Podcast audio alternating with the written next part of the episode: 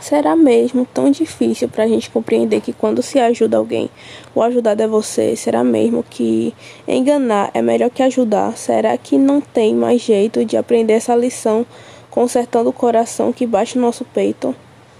Esse parágrafo fala sobre o quão importante é você fazer o bem para a pessoa, sabe? Porque você fazendo o bem para alguém, você não tá fazendo o bem só para ela, sabe? Você tá fazendo o bem para si próprio, sabe?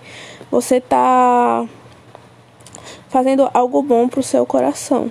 É isso que eu entendi desse parágrafo aí.